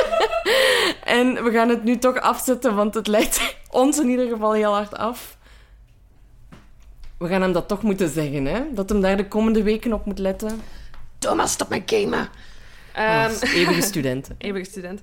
Ehm, waar, ik, ik was echt ziek. Ik ging iets superbelangrijks zeggen. Nee, dat is niet waar. Eh, Over het feit dat, hij, dat, het- dat we denken dat hij medeplichtig is Ja. en dat, waarom Ah, ja. Marcel Nee, eh, ja, daar werkte. Ja, my take is inderdaad... ehm, ik geloof het drugsverhaal wel. Mhm. Eh, ik, allee, die kist is gemaakt. Ehm, dat geld... Waarom zou je toekoer anders een waterdichte kist maken? Zoals ik al eerder zei, is dat volgens mij echt gewoon om iets ja, illegaals mee te... wapens, ja. drugs, geld... Als het niet eh, drugs is, is het inderdaad iets anders, Loes. Eh, verder, dus ik denk inderdaad dat er iets raars moest worden vervoerd. Dat ze daar beide bij betrokken waren. Dat die deal fout is gelopen. eh, dat Marcel misschien levend is meegenomen. Maar dat Leopold wel zoiets had van... Ja, die is meegenomen, die zien we nooit meer terug. Mhm, mhm. Ehm, ik denk niet dat, dat het lichaam van Marcel in de buurt van Ligt. Dat denk ik niet. Volgens mij zijn meegenomen. Zo die hint naar Antwerpen, denk ik... Ja. Misschien hè, dat inderdaad dat, dat de manier was van Leopold om te zeggen van... Jongens, ik kan niet meer zeggen dan dit, want anders ga ik er zelf aan. Maar Ja. ga alsjeblieft in Antwerpen kijken. Ja. Het kan, hè. Ja. Ja, het is, weet je, het is 1974, hè, buiten geschreven brieven en eh, vaste lijntelefonie. Was niks er niks? checken, hè? nee, er kan niks worden gecheckt. Dus ik denk ook, het is heel moeilijk. ehm, en ik denk dat Leopold zeker meer wist. Mhm. Zeker meer wist op dat moment. Ehm, ik denk dat Maria niks meer wist. Nee, ik denk dat hij er ook verder niks mee te maken heeft. Anders had ze die kist niet aangegeven. Ik denk Nee. dat ze echt wanhopig was en zei van, die kist, daar is iets mee. En Ja. misschien dat ze daar had over horen vezelen. En, allee, Mhm. eh, maar, en ook dat verhaal van dan, ja, hè, want dat spreekt tot verbeelding, iemand inmetselen in een brug. Dat klinkt ook zoiets, dat klinkt zoiets professioneel crimineel. Dus misschien Ja. is hij wel ingemetseld in een brug in Antwerpen of zo. Maar, maar ik denk niet in Kachtem. Maar eh, ja, ik vrees dat Leopold wel meer wist. Ja, en dan heb ik ook zoiets van, ja, hij heeft dan 2,5 jaar in voorrechtenis gezeten. Chapeau dat je niks zegt, man. Ja, en dan denk ik ook, we denken alle twee dat hij medeplichtig is, dus dan is het toch goed dat hem die 2,5 jaar Ja, dat denk de ik gevangenis ook heeft wel. gezeten. Ook al is dat, je wordt onschuldig verklaard, dus die 2,5 jaar is totaal onterecht dan, als je snapt wat ik wil zeggen. Want je Ja. zit als onschuldige man 2,5 jaar Vast. in vast, in voorrechtenis. Maar onze gevoelens zeggen wel allemaal dat hij er iets mee te maken heeft. Dus in die, op die manier is, hij wel gestraft voor... Ja, niet per se met de moord, maar misschien wel gewoon met de omstandigheden. Dat denk ik wel. Ja, sowieso louche verhaal. Ja. Heel, heel, ja, omdat het zo zeer, zeer lokaal is. Ja. Ehm, en het echt wel een mythe is, blijkbaar, Ja. in, eh, in Kachtem. Eh, ja, het spreekt gewoon echt tot de verbeelding. En ja, ik had er ook nog nooit van gehoord. Nee. Dus ik zou iedereen die, die, die de suggestie heeft gedaan, daar heel erg voor willen, willen bedanken. ik Ja, hoop en dat ik- jullie het oké vonden hoe dat wij het gebracht Ja, hebben. en ik hoop ook dat er nog wel zo wat mijn moeder, haar zus Ja. verhalen aankomen. Mijn moeder, haar zus was Maria, bijvoorbeeld. Ja, zo'n dingen. Echt. Dat zou wel ehm, cool zijn. Super interessant. Ja, het is, het is allee, weer een, een spijtig verhaal, maar het is wel heel sappig. Ja, absoluut. Dat was het Ja. voor deel 1. We Ja. hebben nu nog een tweede verhaal Ja, in de aanbieding. Een leuke uitsmijter. Een leuke uitsmijter. ehm, omdat het gewoon heel... eh, het is een, een soort van... Het is geen urban legend, maar het is, het is wel Ik heb het, gebaseerd op ehm, feiten. Ik heb het, ik heb het gelezen. Ik, ik heb het, een artikel dat iemand mij ooit heeft doorgestuurd Mhm. van de New York Times. En daar heb ik mij ook gewoon op gebaseerd voor deze research. Iemand stuurde mij dat door en ik las en ik dacht, dat kan toch niet? Nee, en dan googelt, absurd, dan googelt je dat en dan kan het toch wel? Ja. Dat is zo raar. Maar goed, hier is, hier is dus ook niet veel informatie over te vinden. Dus we, we hebben ook maar weer een paar artikels kunnen vinden. Maar het zijn dus de, de My Way killings. En My Way kennen we natuurlijk als een van de betere nummers of beste nummers van onze vriend Frank Sinatra. Ja. Maar in de Filipijnen past je daar maar beter mee op, want het nummer kan u dood betekenen. Ja. Wat Ja. al helemaal raar is Ja. op het eerste Ja, zicht. je, je kunt het een precies niet met het andere linken, maar dat gaan wij nu dat doen. gaan wij nu doen, inderdaad. Ehm, over de Filipijnen. Eh, De Filipijnen is, eh, ligt in Zuidoost-Azië. Ehm, Zit je daar geweest op je wereld? Nee, ik ben er niet geweest. ik ben er nog nooit geweest. Eh, maar het is, de laatste tijd zijn er wel veel vrienden van mij dat er naartoe gaan. Het is ineens zo'n hot and happening Oké. ja, bestemming. Eh, maar, Ondanks de president Ja. die daar nogal loesje toestanden aan het veroorzaken is. Ja. Nee, ik, ik, spreek niks goed, maar het, het, ziet er allemaal heel paradijselijk uit Ja. met stranden. En eh, ik hoop dat het toerisme eh, goed doet, want ehm, ja, het merendeel van de bevolking leeft wel echt nog in armoede. Mm. Allee, of toch doet het met veel minder dan wij. Ehm, hè, en gelijk dat wij s s'avonds Netflix kijken of tv kijken, hebben de Filipijnen echt nationaal een favoriete bezigheid. Ja. Ehm, en ik, ik, het is iets dat bij, bij ons echt amper gebeurt.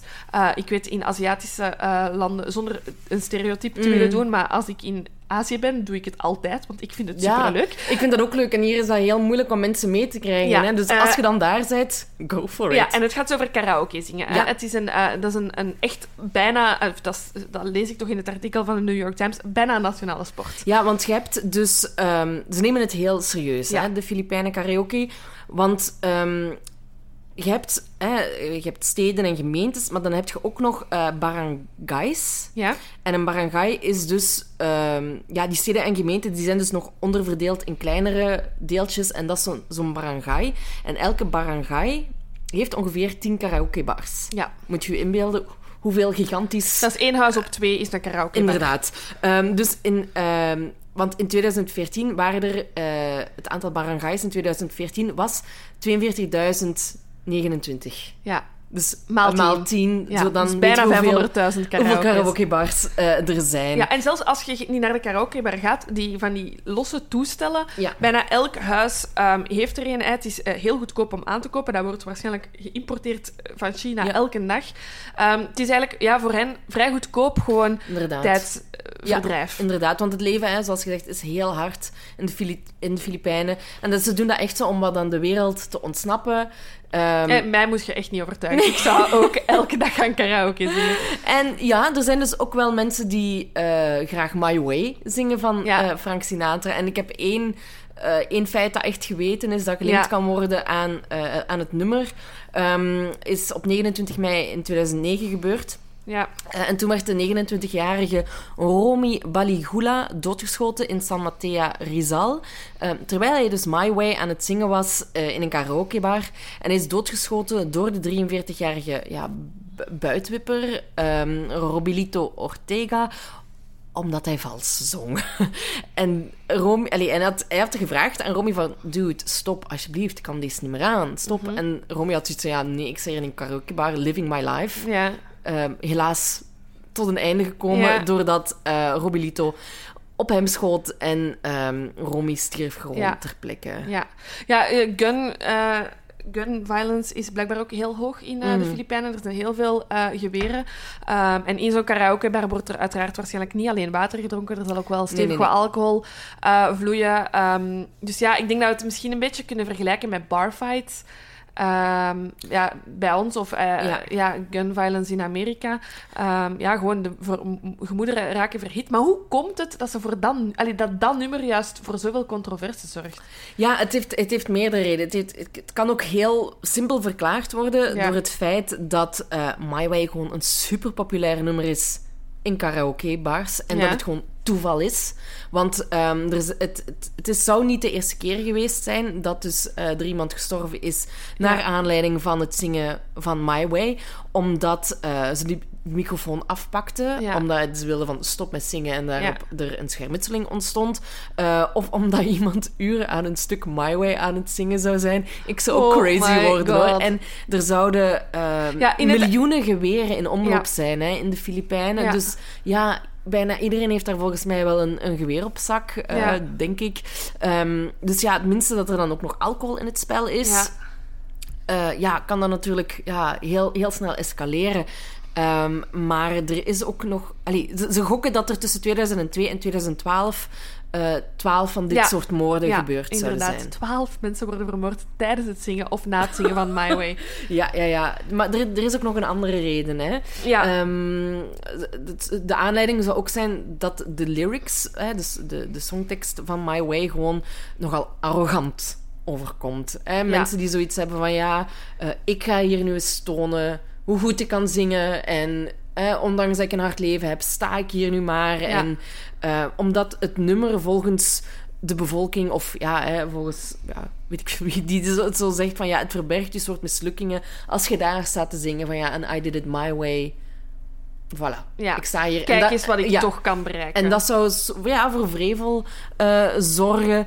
Ehm, een soort van overwinnaarsmentaliteit, wat sommigen tegen de borst ja, maar die wordt geapprecieerd in die cultuur. Nee, nee, nee, inderdaad. Dus dat zou, ja, dat is eigenlijk een van de, ver, allee, een van de verklaringen waarom dat My Way, ja, maar beter niet gezongen wordt Ja. in de karaokebar. Ik vind het zo, ik vind het gek. Ik eh, link het nummer echt met begrafenissen. Ah ja, inderdaad. Ik heb het echt al op, ik heb het echt al op begrafenissen gehoord. Ja, Dus ik zou het nooit kiezen. Wat zou jij kiezen als nummer in de karaoke? in de karaoke. Oh, oeh. Oh, ik heb echt, ik heb Eh, echt een- Sowieso iets, ehm, iets disco-achtig, Mm, denk ik. Ja. Ik weet het niet. Of, ja, ik ben, me heel, ik ben heel snel content in de karaoke. Ik, dat is altijd mijn probleem. Dan kijkt hij in een boek en dan zegt je, oh ja, deze. Ik Ah, heb- en deze. Ik en heb, deze. eh, ik heb wel een heel goede ervaring eh, gehad op een, eh, op een trouwfeest, trouwfeest van twee vriendinnen van mij die een karaoke hadden geïnstalleerd. oh, en daar heb ik met een vriendin Destiny's Child gezongen. Kijk, Say is- My Name, denk ik dat het was. En dat was echt een prachtig moment. Dus eender welk nummer, zolang ik het maar een beetje ken Ja, en een beetje alcohol, ja. is dat, ben ik mee. Ja. Ben ik mee. Ja, ik, ja, ik vind het echt ook super leuk. In, ehm, eh, ik, ik ben in Japan geweest en, ehm, en, en dan in Korea en in China. En ik heb dat ook elke keer gedaan. Het probleem is dat ik daar elke keer met mijn lief ben, dus Lucas moet mee. Ehm, maar de- wat, wat super leuk is, en dat zeggen ze ook in dat artikel, ze hebben daar ook de cultuur om karaoke eh, in privé-aangelegenheden Ehm, te doen. Hè. De- toen ik in Japan eh, was, ik had daar wel al over gelezen, dat je zo privé, maar ik kon me daar niets bij voorstellen. maar dat zijn gedaan. echt appartementsgebouwen vol met kamertjes. Eh, dus ik ben daar dan met mijn lief gaan zingen. Ehm, zo een uurtje privé. Maar dat is toch maf, want je zit dan privé en de enige toeschouwer die je hebt is Lucas. Ja, ik weet het, ik weet het. En dan ook, ik word dan ook altijd kwaad van de nummers die hij koos. Dat waren dan van die 90s en 80s ehm, hip-hop en rap songs. En ik zo, oh, hier heb ik niks aan. Nee, nee. Zing ABBA. Ah, wel, maar dat soort nummers vind ik fantastisch Ja. om, om mee te zingen Oh, misschien moeten we samen gaan. Oh, maar dat is goed. Ja. We doen een, eh een volksjury karaoke evenement. Ja, en iedereen moet maar gewoon komen en anders gaan we gewoon met z'n tweeën. Ja, oh, leuk. Ja, ik, ik, vind, ik, vind, ik, vind, ik snap het wel dat het een, dat het een, ehm, een populaire aangelegenheid eh, is. Maar, Maar- ik, ik, ik, zelfs als ik mensen vals hoor zingen, heb ik niet de neiging om die te vermoorden. Ja, maar uren aan een stuk. Ja, dat is waar. Ik ik zou, denk ook dat er bij mij ook iets zou knappen. ik hoor. zou ook wel geen buitenwipper in een karaokebar willen zijn. Of zo achter een tap staan in een karaokebar. Oh, Oh, nee, nee. god. Maar ze hebben wel maatregelen genomen Ja. hè? In, de, in de Filipijnen. ehm, ze, ofwel hebben ze het gewoon verboden, van hier wordt echt geen My Way meer gezongen. Ja. Of je moet inderdaad zo'n privékamer Ja. huren. En dan, wat ik heel interessant vind, ehm, is dat de karaokebars eh bakla inschakelen. Ja, Nu, dat dit is is, in- heel raar. Dit is informatie van, eh, van het internet, dus ik weet niet in hoeverre dat het ook klopt. ehm, of dat ik het correct uitleg. Mhm. Maar dat zijn dus mannen eh, die bakla met meer vrouwelijke trekjes. en die soms ook kleren van, voor vrouwen kunnen dragen. En die mannen die zijn dan. Die kunnen homoseksueel zijn, maar dat hoeft niet per se. Het kunnen ook transgender vrouwen zijn, maar ook niet per se. Gewoon omdat ja, die met humor proberen eh, ruzies in het algemeen in die bars te, ja, te doen verminderen. Ja. Ehm, en ik denk, ja, omdat in die karaokebars dan verondersteld wordt dat die, dat die bakla minder testosteron-explosies Ja. zouden hebben. Ik, ik weet het niet wat daar de... de want het, het blijven natuurlijk ook gewoon, bu- buiten de transgender vrouwen natuurlijk, eh, mannen. ja. Dus ja, ik, ja, misschien, ja. met, met vrouwelijke trekjes. ehm. maar het is, ik vind het gewoon een heel, heel, heel vreemde gedachte dat... dat want ehm holibies in het algemeen worden ook in, in dat deel van, van de wereld nog steeds verguisd. Niet, ja, niet geapprecieerd. eh, nee. eh, met eh, ja, op leven en dood is dat Ja. meer. Maar daar zijn we dan wel ja, ik vind, voor. en, ja dat, vind ik, dat, is in, dat is inderdaad zeer neerbuigend. Ehm, en op zich vind ik het dan wel... Allee, vind ik het wel schoon dat ze dan zeggen van eh, we proberen het met humor op te lossen en die Ja. mensen kunnen dat als het beste, misschien hè, omdat ze in hun dagelijks leven ook zoveel moeten relativeren en zoveel Mhm. moeten oplossen met humor, noodgedwongen, spijtig genoeg. Ehm, eh, vind ik het wel schoon op een of andere manier. Ehm, Het is, ja. het is heel dubbel hoor. Ik, ik voel me daar ook heel dubbel bij, want voor hetzelfde geld ehm, worden, die, worden de bakla daar, krijgen ze daar ook geld voor en zo. Is dat een manier van inkomen? Dus Is dat een enige manier om aan inkomen te geraken? Dus ja, je weet waarom het niet. niet? Maar het, het is gewoon de achterliggende gedachte eh, die erbij speelt, want het, het plaatst ook allemaal in één en hetzelfde hokje. Mhm. Ehm, maar goed, als er daardoor minder moorden Gebeuren, des te beter, hè? Ja. Des te beter. Omdat, ja, dus die bakla worden echt als neutraal beschouwd. Hè? Ja. Want eh, die worden ook vaak ingezet als het gaat eh, over conflicten over vrouwen. ja, Dan komen de bakla en die zeggen, jongens, stop het is allemaal niet zo belangrijk. Nee. Eh, voilà. en, dan is het, en dan is het opgelost. Dus ja, als het werkt, waarom niet? Ehm, er zijn ook andere karaoke-moorden. Ja, ehm, ik heb er eentje... Wacht, hè. Ik wil zeggen... Het al beginnen zingen. Zal ik... Country Road. Ja, inderdaad. Ja, dus Ehm, Take Me Home Co- Country Road. En dat zou in... eh, ik denk in Maleisië. eh, een man die eh, ja, is fataal neergestoken eh, in een bar... ehm, omdat hij dus Take Me Home Country Road zou ah, hebben ik had... Ik had eh, dat is dan in Maleisië zeggen. Ja, Ah ja, ik had ook in Thailand hetzelfde Take Me Home Country Roads. eh, ja. eh, Stel je voor dat dat ook zo'n nummer is. ja, ik moet trouwens altijd denken, ik ga delen op onze sociale media aan een meme van een kat die een cowboyhoed draagt. ja. Je weet welke ik bedoel. Bij elke Take Me Home Country Road moet ik daaraan denken. Maar zwart, jullie zullen het later vandaag of morgen Ja. eh, wel zien. Ik lig altijd helemaal plat als ik die meme zie. Maar in Thailand zou er dus ook een... ehm, ja, mensen gedood zijn door het zingen van Take Me Home, Country Roads. Ehm, er zou een man dus acht mensen hebben doodgeschoten, waaronder ook zijn schoonbroer, ehm, omdat de moordenaar dus echt woedend was over de manier waarop dat het nummer gezongen werd. Ehm, de, de moordenaar heeft blijkbaar aan de lokale media gezegd... ehm, toen ik begon met schieten, Ja. was er niemand die voor zijn eh, leven vocht, omdat iedereen gewoon zo dronken was. Ehm, ik had ze al gewaarschuwd over een luidruchtige karaokefeestjes.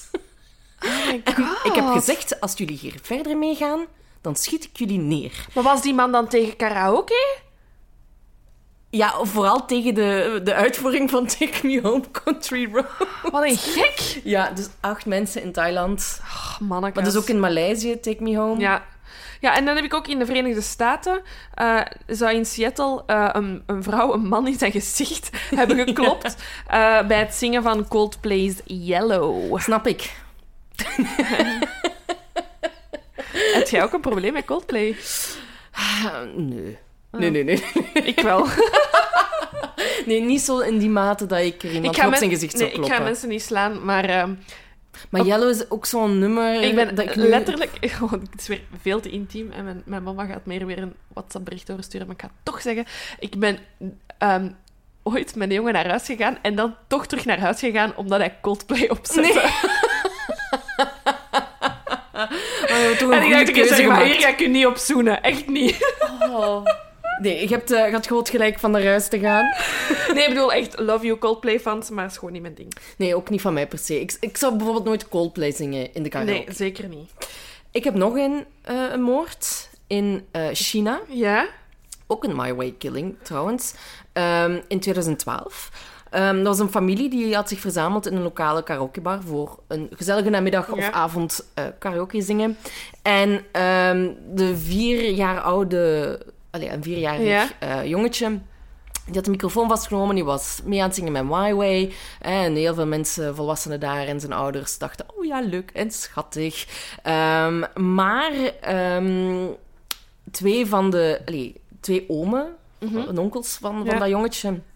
Die, eh, die wezen eigenlijk naar, naar de papa en zijn vrouw. Omdat ze zoiets van... Ja, jullie hebben echt een verwend kind opgevoed. Ziet dat hier nu staan. Ja. eh, My Way eh, te zingen. En ze noemden hem eigenlijk echt zo'n soort van een kleine keizer. hè, zoals dat in China wel Ja. bekend is. Ehm, en daarop is er eigenlijk een soort van gevecht ontstaan. En de, een van de neven, dus de zo, een van de zonen van de nonkels, Ja. die is dan naar een nabijgelegen eh noedelshop gelopen en is dan teruggekomen met een soort van vleesverwerker. Of een, ja, ik weet niet hoe ik het moet, moet vertalen. Een soort van, het, het heet een meat cleaver. Een, eh, ik denk een dat een scherp... hakmes, hè? Ja. een, het scherp ga voorwerp. even een foto van een meatcleaver. En ja, ik ben het vergeten op te zoeken. En ja, het is inderdaad een, een, een hakmesachtig iets. En hij heeft... eh, en heeft... Ja, oh my god. Ja, inderdaad. het is echt een hakbijl gewoon. Eh, en dat is dus het neefje heeft het hakmijl aan... eh, tututunum, aan... mm, nee, dus de neef zelf Ja. heeft de twee nonkels met de hakbijl Die kleine keizer. Nee, nee, nee, nee, Oh, nee, nee. Het was een, dus het was een ander neef. Het, veel families, Ja, allee, veel familieleden, gevecht ontstaan. En een van de neven heeft dan gezegd... ehm, waarschijnlijk de, de... Ja, ik weet niet hoe dat de relatie precies in elkaar zat. kwam er in ieder geval op neer dat de twee nonkels die erover klaagden dat de jongen een kleine keizer was... Ja. Die zijn eh, gestorven ter plaatse doordat ze meerdere keren geraakt zijn met die hakbijl. Wow. Doordat er iemand My Way zong. ik, dus, dus als je naar de Filipijnen gaat, ik zou Maar gewoon zeggen... toekoeren. Zing gewoon nooit meer My Way. Nee, en ook niet eh, Take Me Home Country Road. En ook niet Yellow van Coldplay. Voilà. Dat, was, eh, Dat zijn onze tips. dat zijn onze tips. Ja, maar en zeker nu in quarantainetijden, als je nu met je familie karaoke zingt, voilà, deze drie niet. Nee, inderdaad, want ik denk dat het wel eens heel snel kan escaleren, vooral zo naar het einde toe van maar de, van zing, de gewoon, zing gewoon geen karaoke, want mensen maken ruzie, inderdaad. Inderdaad. Eh, of zing, maar zorg gewoon dat er niet te veel alcohol in het spel is. Of dat er een escape Ja. route is. Om, Ik eh, heb zo eens, ehm, n- niet karaoke, maar gelijkaardig Singstar met mijn familie Mhm. gespeeld. Ehm, dat is een beetje karaoke, maar dan op de Playstation. Eh, en mijn papa was zo, nee, mm, ik ga niet meedoen. Ik heb echt trauma's aan zingen. Ehm, en ik was zo, hoe bedoel je trauma's aan zingen? En die eh, zong zo niet toonvast, dat hij tijdens de muziekles altijd buiten werd gezet. arm. Ja, zielig, hè? Ik moet ook wel zeggen dat ik totaal niet kan zingen. Ik kan totaal niet zingen. En Maar toch- totaal niet. maar Mijn lief niet. wel. En dan vind ik dat zo wat gênant om Oh, toch ik- te zingen, omdat ik goed het gevoel heb Dat is dat ik gejudged word. Maar ze heeft zoiets van, ja, maar doe maar. Ik Ja. less. Maar toch, omdat ik weet dat zij kan zingen, heb ik zoiets van, ja, maar ja, ik wil dat ook gewoon Ik wil kunnen. ook kunnen zingen. Dus, maar dan denk ik bij karaoke, denk ik echt, ik drink iets Ik en zing. het kan me niks meer schelen. Nee, en, maar het is wel echt het, een talent dat ik het liefst zou willen. Ik ook. Ik zou Zingen. heel, heel graag willen zingen. Voor mij was de muziekles op school ook een trauma, hoor. Want je, Ja? zat dan zo eh, ja, met twintig in de klas of zo. Ja? En dan eh, ja, moest je één voor één dus zingen voor punten. En ja, ik kon dat dus niet, hè. Nee. Super gênant. Het is gewoon echt zo voor, voor het blok gezet, hè. Van ja, ik kan, nu. niet, ik, kan wel, ik kan wel zo toon... Rappen. Nee, nee. Stel je voor dat dat mijn talent zou zijn. Nee, ik kan wel toon houden, maar ik kan niet Ah zingen. nee, zoals dat is. Ik heb, eh, onlangs met mijn lief, hebben zo, hebben zo zo'n oefeningsje gedaan. En dan na, na, na een paar keer proberen, lukt dat wel. Maar ik kan niet nu zo beginnen zingen en denken van, dat gaat meteen goed zijn. Nee, Ik, nee, echt totaal niet. nee. En ik denk ook als ik meezing, denk ik altijd van... Dat wel. ja. En dan zou je dat eens moeten opnemen zonder de... de ja, het ding, de Ja, muziek ja, mee. En dan denk ik, oh my god, laat maar. Ik dacht ook altijd dat ik kon fluiten, totdat mijn lief heeft gezegd, maar hoe zit je nu aan het fluiten? Dus dat is ook al een talent dat mij ontnomen is. En nu ga ik in een hoekje huilen. Ja, ik denk, nu eindigen we zo op een negatieve noot. Hadden de suggesties... Negatieve van- Ja, sorry, sorry. Kijk, voilà, de quarantaine wordt ons even te veel. Ja, voilà. Goed. We gaan, we gaan afronden. Ja. Eh, hopelijk eh, met meer afleveringen op komst. We, gaan, we houden jullie sowieso op de hoogte. Eh, heel leuk dat jullie zo enthousiast zijn over het feit dat we meer afleveringen gaan maken. Ja, het was superleuk, hè? Ehm, leuk. Want we, we hadden het er dan... allee, we hebben snel even zo via WhatsApp erover gesproken van... Ah, zouden we dat doen? Ah ja, goed idee. We hebben dan snel iets gepost en... Ah, jullie reacties is zo hartverwarmend. Ja, dat heeft echt. me echt door mijn zondag getrokken. Ja, ja, ja, dat was goed, hè? Ja. Heel, heel leuk allemaal. Dus ja, zoals ik zeg, we, we houden jullie op de hoogte. Hou goede moed, Ja, vooral. En volg de maatregelen. Ja. Ik, wil het, ik wil echt niet betuttelend overkomen of zo, maar... ehm, maar het is gewoon even nodig, oké? We moeten nodig. hier allemaal samen door.